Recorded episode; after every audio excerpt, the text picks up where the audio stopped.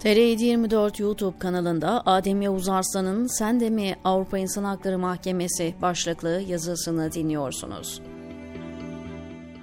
Avrupa İnsan Hakları Mahkemesi'nin Hidayet Karaca kararını okurken aklıma gelen ilk yazı başlığı Sen de mi ahim oldu. Tabii ki sen de mi ahim derken yaptığım atıf Sezar'ın en yakın arkadaşı Brutus tarafından sırtından hançerlenmesi olayında Sezar'ın tarihe geçen sen de mi Brutus sözü.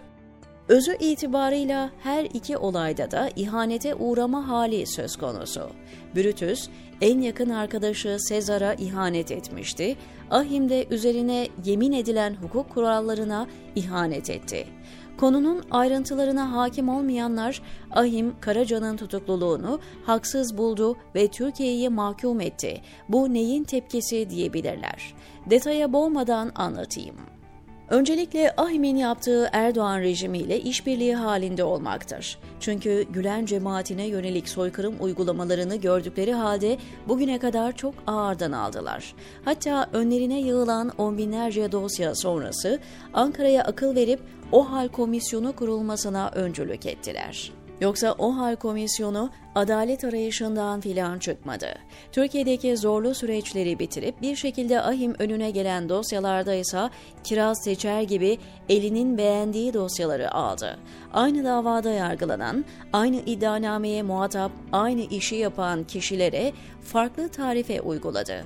Yasal olarak tutukluların dosyasını ivedilikle görüşmesi gerekirken, Karaca başta olmak üzere Mustafa Ünal, Mehmet Barasu ve Mümtazer Türköne gibi isimlerin dosyalarını geciktirdi.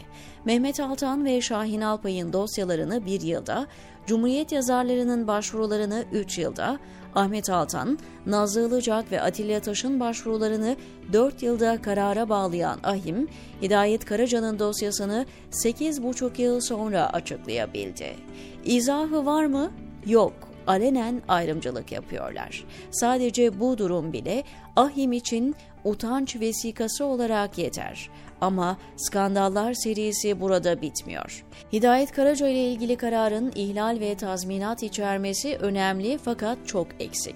Çünkü Ahim'in ne dosyaya hakim olduğu ne de davayı yeterince incelediği görülüyor. Dahası siyasi karar verdiği ve bu kararın Erdoğan rejimi aleyhine yatkınlık gösterdiği ortada. Öyle olmamış olsa esastan girmesi gereken konularda ne şiş yansın ne kebap modunda olmazdı. Öncelikle Ahim, Hidayet Karaca'nın tutukluluğuna sebep olan faaliyetleri basın ve ifade özgürlüğü kapsamında görmemiş. Bu tam olarak Erdoğan'ın onlar gazeteci değil, cezaevinde gazetecilik faaliyetinden kimse yok mantığına denk geliyor. Ayrıca tutukluluk için makul şüphe vardı demişler. Hükümetin tahşiyecilerle ilgili argümanlarını da dikkate almış Ahim. Nitekim Yargıç Orland'ın yazdığı muhalefet şerhi de buna dikkat çekiyor. Erdoğan rejimi zaten ahim kararlarını uygulamıyor ama karar uygulansa bile Karaca serbest kalamayacaktı. Çünkü Karaca'nın 2015'te yaptığı başvuru hüküm öncesi dönemi ilgilendiriyor. Davada karar çıktıktan sonra Karaca'nın avukatları iç hukuk yollarını bitirip bu yılın başında yeni bir başvuru daha yaptılar. Eğer bu başvuru da Karaca lehine sonuçlanırsa o zaman tahliyesi gündeme gelecek. Peki şimdi ne olacak? Her şeye rağmen ahim kararı hukuksuzluğu tescil açısından önemli bir kazanım. Ancak yeterli değil. Hidayet Karaca'nın avukatları dosyayı ahim büyük daireye götürebilirler. Benzer bir durum Erdoğan rejiminin rehin tuttuğu Selahattin Demirtaş'ta da yaşandı. Demirtaş'ın başvurusunu inceleyen büyük daire ihlal kararı vermişti. Hidayet Karaca'da da benzer bir sonuç gelecektir. Ama ne zaman? Zaten 8,5 yıl geçmiş ve ne kadar süreceği belli olmayan bir süreç daha var. Karaca'nın yargılandığı davaya dair TR724 yazarları Mehmet Tahsin ve İlker Doğan ayrıntılı analizler yazdılar. Bu yüzden onları tekrar etmeyeceğim. Ancak izninizle şu soruyu sormak istiyorum. Özellikle de gazeteci meslektaşlara. Sahi Karaca'nın suçu neydi? Hidayet Karaca ne yapmış olabilir ki müebbet hapse ya da binlerce yılı bulan astronomik hapis cezalarına çarptırıldı? Karaca'yı çok yakından tanımalarına rağmen yıllardır sesini çıkarmayan sözde meslektaşlar adına cevabı ben vereyim. Karaca'nın tek suçu Erdoğan'a biat etmemesiydi. Maalesef hakkında yazılar yazan, manşetler atıp yayınlar yapan sözde gazetecilerin de davaları izlemediği için sürece dair tek bildikleri sarayın dayattığı iddialar. Oysaki rejimin adaletsiz yargılamalarını bile izleseler rezaleti görür, yok artık derlerdi. Kastım sadece Karaca'ya işkenceye varan uygulamalar, aç ve susuz bırakmalar, hücrede tutmalar, anayasaya aykırı olarak emekli maaşına bile el konması değil. Karaca'nın davalarının temelinin tümden çürük olması. Çünkü Tahşiye davası özü itibarıyla Fethullah Gülen'i ABD'den isteyebilmek için uydurulmuş bir kumpastan başka bir şey değil. Uzatmamak adına detaylara girmeyeceğim ama merak eden varsa Berat Albayrak'ın e-maillerinde olan yazışmalara bakabilir.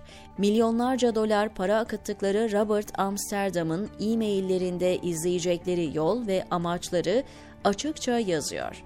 Erdoğan, Hidayet Karaca'nın şahsında cemaatten intikam alıyor. Nitekim Karaca'nın gözaltına alındığı tarih de 17 Aralık operasyonunun yıl dönümüydü. İlk günden bu yana zulüm üstüne zulüm yapıldı Karaca'ya.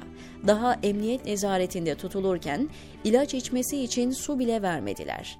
İlerlemiş yaşına rağmen elleri kelepçeli şekilde hem de iki kelepçeli olacak şekilde şehir şehir dolaştırıldı. Elleri kelepçeli olarak Silivri'den Ankara'ya götürüldü, Sincan cezaevinde aç bırakıldı. O kadar yıldır hücrede tutuluyor. Babasının cenazesine bile katılmasına izin vermediler. Emekli maaşına bile haciz koydular ki bu da kanunsuzdu. Hukuksuzca milyonlarca liralık para cezaları kestiler.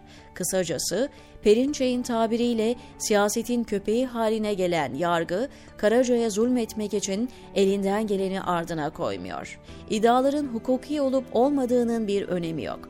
Karaca'ya kendini savunma imkanı bile vermediler. Avukatlarını tutukladılar ki birisi de Bugün gazetesi yazarı eski savcı Gültekin Avcı'ydı. 10 metrekarelik hücresinde takip edemediği davalarla boğuşuyor. Hukuken delil olamayacak bir YouTube kaydından onlarca yıl hapse mahkum edildi. 2014'te tutuklanmasına rağmen 2016'daki 15 Temmuz olaylarında bile sorumlu tutuldu. En tuhafı, komiği ise şike davasından binlerce yıl hapis cezası verilmesiydi. Gerek Ankara çatı davası gerekse de şike davası aynı gizli tanığın ifadelerine dayanıyordu. İşin garibi Adanalı Parsa'dan olarak bilinen Tamer Barış Terkeşli'nin çeşitli isimlerle verdiği gizli tanık ifadelerinin yalan olduğu mahkeme aşamasında ispatlanmıştı. Dahası AKP yargısı bile Terkeşli'nin yalan beyanlarıyla dolandırıcılık yaptığına hükmetti. Düşünün, rejimin en gözde tanığı mahkeme kararıyla kesinleşmiş bir dolandırıcı. Yaptığı dolandırıcılıksa dönemin ruhuna uygun. Gözüne kestirdiği iş adamlarından yüklü miktarda haraç isteyen, almazsa haklarında FETÖ'cü ifadesi veren Terkeşli, bugün konuştuğumuz davaların temel dayanağı. Tutuklanmasına gerekçe yapılan tahşiye operasyonunun talimatını veren bürokratlar AKP'den siyasete atıldı ve milletvekili bakan oldu. Soruşturmayı yürüten savcılar terfi üstüne terfi aldı. Hasan Yılmaz bugün Adalet Bakan Yardımcısı. Fuzuli Aydoğdu önce HSK sekreteri sonra da Yargıtay üyesi yapıldı. Tahşiye örgütüne yönelik yazılar yazan gazeteciler Erdoğan'ın uçağında, sarayında, havuz medyasının baş köşelerinde. Hidayet Karaca ise Silivri'nin soğuk bir hücresinde. Bütün bu süreçleri bilip şahit olup 8,5 yıl sonra gelen ahim kararına isyan etmemek mümkün mü? diyor Adem Yavuz Arslan TR724'deki köşesinde.